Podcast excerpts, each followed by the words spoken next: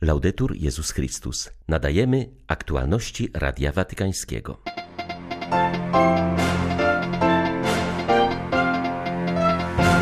Współczesny świat bardzo potrzebuje chrześcijańskiej nadziei, podkreślił kardynał Cantalamessa w rozważaniu adwentowym dla papieża i pracowników kurii rzymskiej. To nie jest nasz pierwszy wojenny adwent. Wojna na Ukrainie trwa od ośmiu lat, przypomina ordynariusz Kijowa. Biskup Krewicki apeluje o wsparcie dla cierpiących rodzin, które pilnie potrzebują generatorów prądu i piecyków. Władze Lwowa przedstawiły papieżowi program Niezłomni. Zapewnia on pomoc psychologiczną i protezy ortopedyczne, między innymi dla rosnącej liczby dzieci okaleczonych przez wojnę. 9 grudnia wita Państwa Beata Zajączkowska. Zapraszam na serwis informacyjny. Nie ma piękniejszego daru, który Kościół może dać dziś światu niż chrześcijańska nadzieja, mówił kardynał Raniero Cantalamessa w drugim rozważaniu adwentowym dla papieża i pracowników kurii rzymskiej.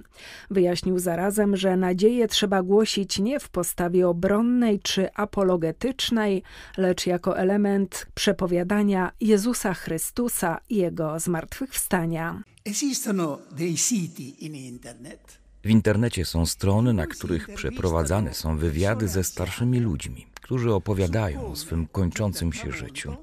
Są to na ogół mężczyźni, którzy mieli urozmaicone i godziwe życie, służąc rodzinie, kulturze i społeczeństwu, ale nie ma w tym żadnych odniesień religijnych.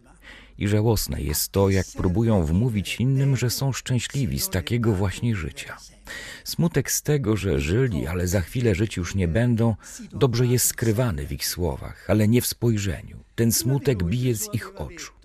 Święty Augustyn dobrze wyraził istotę tego problemu. Cóż z tego, że żyje się dobrze, skoro nie jest nam dane żyć na zawsze? Przed nim zaś powiedział Jezus, jaką korzyść będzie miał człowiek, jeśli świat cały zyska, a życie swoje straci. Ona daje nam pewność, że Bóg stworzył nas dla życia, a nie dla śmierci, że Jezus przyszedł, aby objawić nam życie wieczne i dać nam jej gwarancję w swoim zmartwychwstaniu. Kardynał Cantalamessa podkreślił, że również dziś trzeba powrócić do nadziei, jeśli chcemy prowadzić ewangelizację. Ludzie idą tam, gdzie oddycha się nadzieją, a uciekają z tych miejsc, gdzie jej nie znajdują. Bez nadziei nie da się założyć rodziny czy odpowiedzieć na powołanie. Kościół nie może dać światu lepszego daru niż nadzieję. Nie ludzką, efemeryczną, ekonomiczną czy polityczną, bo to nie leży w jego kompetencji, ale nadzieję czystą i prostą, tę, której horyzontem, często nieświadomym, jest wieczność, a jej gwarantem Jezus Chrystus i Jego zmartwychwstanie to właśnie ta nadzieja będzie fundamentem wszystkich innych ludzkich nadziei. Kto widział, jak lekarz odwiedza ciężko chorego, ten wie, że największą ulgą, jaką może mu dać, lepszą niż jakiekolwiek leki, jest powiedzenie mu: lekarz ma nadzieję. Jego rokowania dla ciebie są pełne nadziei. Tak rozumiana nadzieja przemienia wszystko, czego się dotknie.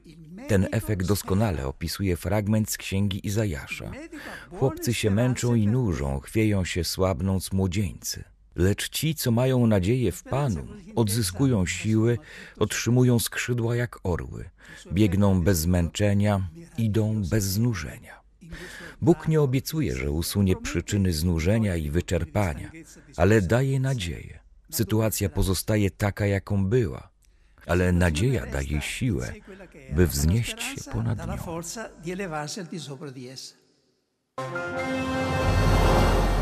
Z okupowanych terytoriów Ukrainy przychodzą kolejne wieści o planach masowych deportacji dzieci. Sami Rosjanie przyznają się do wywiezienia do tej pory w głąb ich kraju 150 tysięcy niepełnoletnich z zagrabionych ziem. Czeczeńcy na Donbasie wcielają z kolei najmłodszych członków lokalnej społeczności do specjalnych bojówek. Ogarnijmy naszą modlitwą dzieci, które wpadły we wrogie ręce, którym kradną ojczyznę, język, kulturę, miłość do wszystkiego, co rodzime, wzywał w swym codziennym orędziu arcybiskup Światosław Szewczuk. Bo same młodź,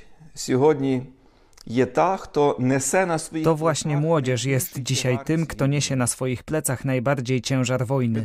Patrzymy na naszych obrońców, dziewczyny i chłopaków. To kwiat naszego narodu obecnie cierpi. Kwiat naszego narodu teraz ginie w walce o wolność oraz niezależność swojej ojczyzny. Dlatego tak trzeba nam wsłuchać się w tę młodzież, usłyszeć jej marzenia, odczuć jak ona żyje, za co się bije, a nawet jak umiera, właśnie po to, aby mogła żyć, budując swój kraj na swoich rodzinnych ziemiach. Pamiętam, jak jeszcze w 2014 roku młodzi ludzie zapytali mnie w Zarwanicy, co mamy robić, czy mamy żyć, czy umierać dla Ukrainy. Przez łzy im wtedy powiedziałem: żyjcie. Walczmy o życie.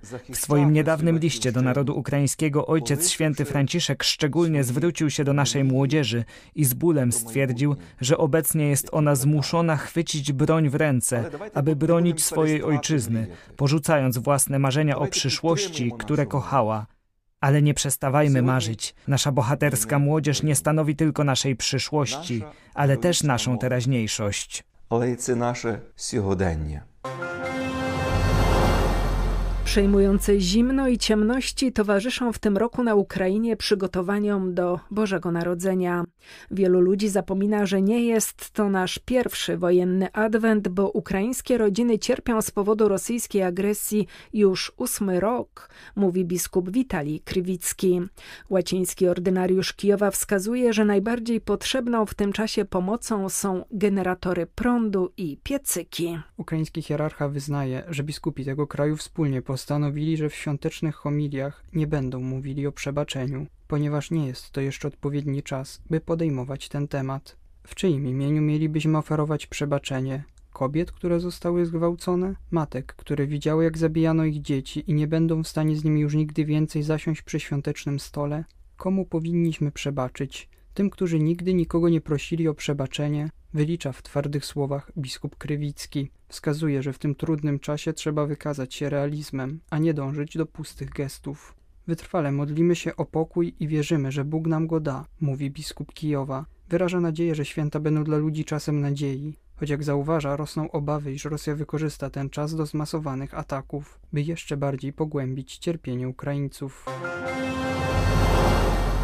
Żadna rosyjska rakieta nie zrobi tego, co chce, wskazał w wywiadzie dla Radia Watykańskiego mer Lwowa. Andrzej Sadowy podkreślił, że choć sytuacja w jego ojczyźnie jest niezwykle trudna, naród pozostaje wytrwały i z nadzieją patrzy w przyszłość. Przypomniał, że przygotowując się do zimy, mieszkańcy Lwowa posiadają już tysiąc specjalnych ogrzewanych schronisk. Sytuacja bowiem pozostaje trudna, a w mieście przebywa obecnie 150 tysięcy tysięcy wewnętrznych uchodźców. Mer Lwowa odniósł się też do zaprezentowanego papieżowi projektu Niezłomni. 11 tysięcy rannych przyjechało do Lwowa za ten czas wojny. Pierwsza rzecz to jest operacja, która musi być zrobiona. Następna rzecz, dużo ludzi potrzebują protezy. Na początek tymczasowe. Trzeba myśleć o protezach takich stacjonarnych i dlatego mamy manufakturę małą, ale musimy zbudować e, dużą dla całego państwa każdy e, musi otrzymać psychologiczną rehabilitację, socjalną rehabilitację, fizyczną rehabilitację. Muszę myśleć o tym, e, jaka praca będzie dla tych ludzi, bo już na pewno to, co było do tego, już jest niemożliwe, kiedy człowiek na przykład bez nogi, bez ręki, gdzie ludzie będą mieszkać. Starsze osoby, które po prostu nie mają gdzie z powrotem przyjechać, na przykład ludzie z Mariupola, z Melitopola, oni też u nas mieszkają i dużo jest rannych i to wszystko jest razem unbroken. To jest taka ekosystem rehabilitacji. Teraz większa ilość naszych pacjentów to jest ludzie, którzy mają wojskową traumę. To ciężko sobie ujawnić, że dziecko bez nogi, bez ręki, to wojna to zabrała. I ja muszę myśleć jak ojciec, a jak to dziecko przeżyje następne lata, jak ono będzie żyć, tak? E, że te protezy trzeba co rok zmieniać, że rehabilitacja psychologiczna cały czas musi być, no bo takie życie. Ale mamy twardość, mamy optymizm. Podczas gdy na haitańskich ulicach rozlegają się strzały gangsterów, kościelne szpitale, szkoły i sierocińce kontynuują pracę. Walczą o przetrwanie dla swoich podopiecznych. Rozlewająca się przemoc to po epidemii cholery, trzęsieniach ziemi i tajfunach kolejne cierpienie, które dotyka Haiti na przestrzeni minionych lat. Ostatni raz ziemia zatrzęsła się rok temu, zabijając ponad 2000 osób i niszcząc tysiące domostw. Pracujący w tym kraju misjonarz zaznacza, że w tym roku Kamilianom udało się zbudować prawie 40 budynków mieszkalnych i 5 szkół na zniszczonym południu. Jest to przykład nieustępliwości wobec drastycznie pogarszającej się sytuacji. Ksiądz Antonio Menegon podkreśla, że przemoc wybuchła na niespotykaną dotąd skalę rodząc brak bezpieczeństwa, strach, głód, rozpacz i jakby tego było za mało, także epidemię cholery, która zabija zwłaszcza dzieci. Zakonnik odnosi się do działań gangów, które w tym roku przejęły na wyspie władzę, zwłaszcza w stolicy. Młodzi bandyci niszczą, rabują i podpalają składy paliwa, supermarkety, kościoły oraz magazyny organizacji humanitarnych. Ojciec Menegon zaznacza, że choć wiele szpitali zamknięto ze względu na braki w zaopatrzeniu, to placówka Kamilianów jeszcze walczy. Gangi wkraczały do niej już wielokrotnie, ale dotychczas oszczędziły ludzi. Katedra Notre Dame to obraz kościoła we współczesnym społeczeństwie, uważa nowy arcybiskup Paryża. Podkreśla on, że chrześcijanie nie mogą zamykać się w swych przekonaniach religijnych i chcieć, by katedra była przeznaczona tylko dla nich. Notre Dame jest dla wszystkich, ale chce, by były w niej obecne znaki zgromadzenia, które się modli i sprawuje tajemnicę Chrystusa, dodaje arcybiskup Laurent Ulrich, komentując stan renowacji zniszczonej przez pożar świątyni. Ten 71-letni hierarcha jest od kwietnia nowym metropolitą francuskiej stolicy. Zastąpił na tym stanowisku arcybiskupa Michela Opetit, który dokładnie przed rokiem został usunięty z urzędu pod wpływem medialnej nagonki i to pomimo faktu, że sam papież nie znalazł w nim żadnej winy, która zasługiwałaby na dymisję. Mając na względzie ten wyjątkowy kontekst swej posługi, arcybiskup Ulrich zapewnia, że w pierwszych miesiącach poświęca dużo czasu na wizyty w parafiach i spotkania z kapłanami. Regularne relacje utrzymuje też z przedstawicielami władz, w tym z prezydentem Francji czy merem Paryża.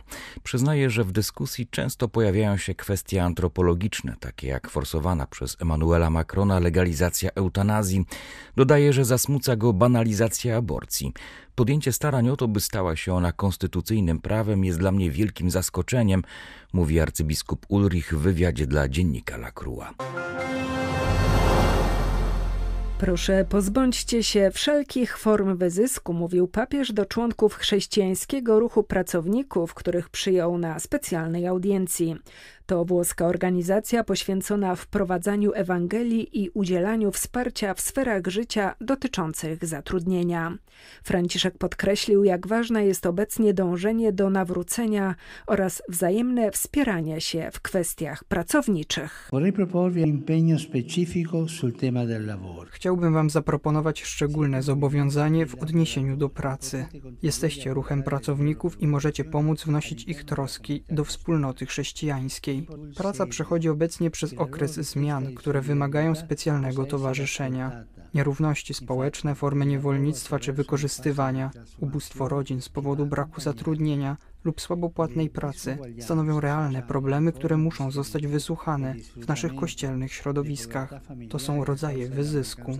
Zachęcam, aby wasze serce i umysły były wciąż otwarte na pracowników, zwłaszcza tych ubogich oraz przez nikogo niechronionych, abyście udzielali głosu ludziom go pozbawionym, abyście nie przejmowali się bardzo, ilu macie członków, ale byście stanowili zaczyn w środowisku społecznym waszego kraju, zaczyn sprawiedliwości i solidarności. Lievito di giustizia e solidarietà. Były to aktualności Radia Watykańskiego. Laudetur Jezus Chrystus.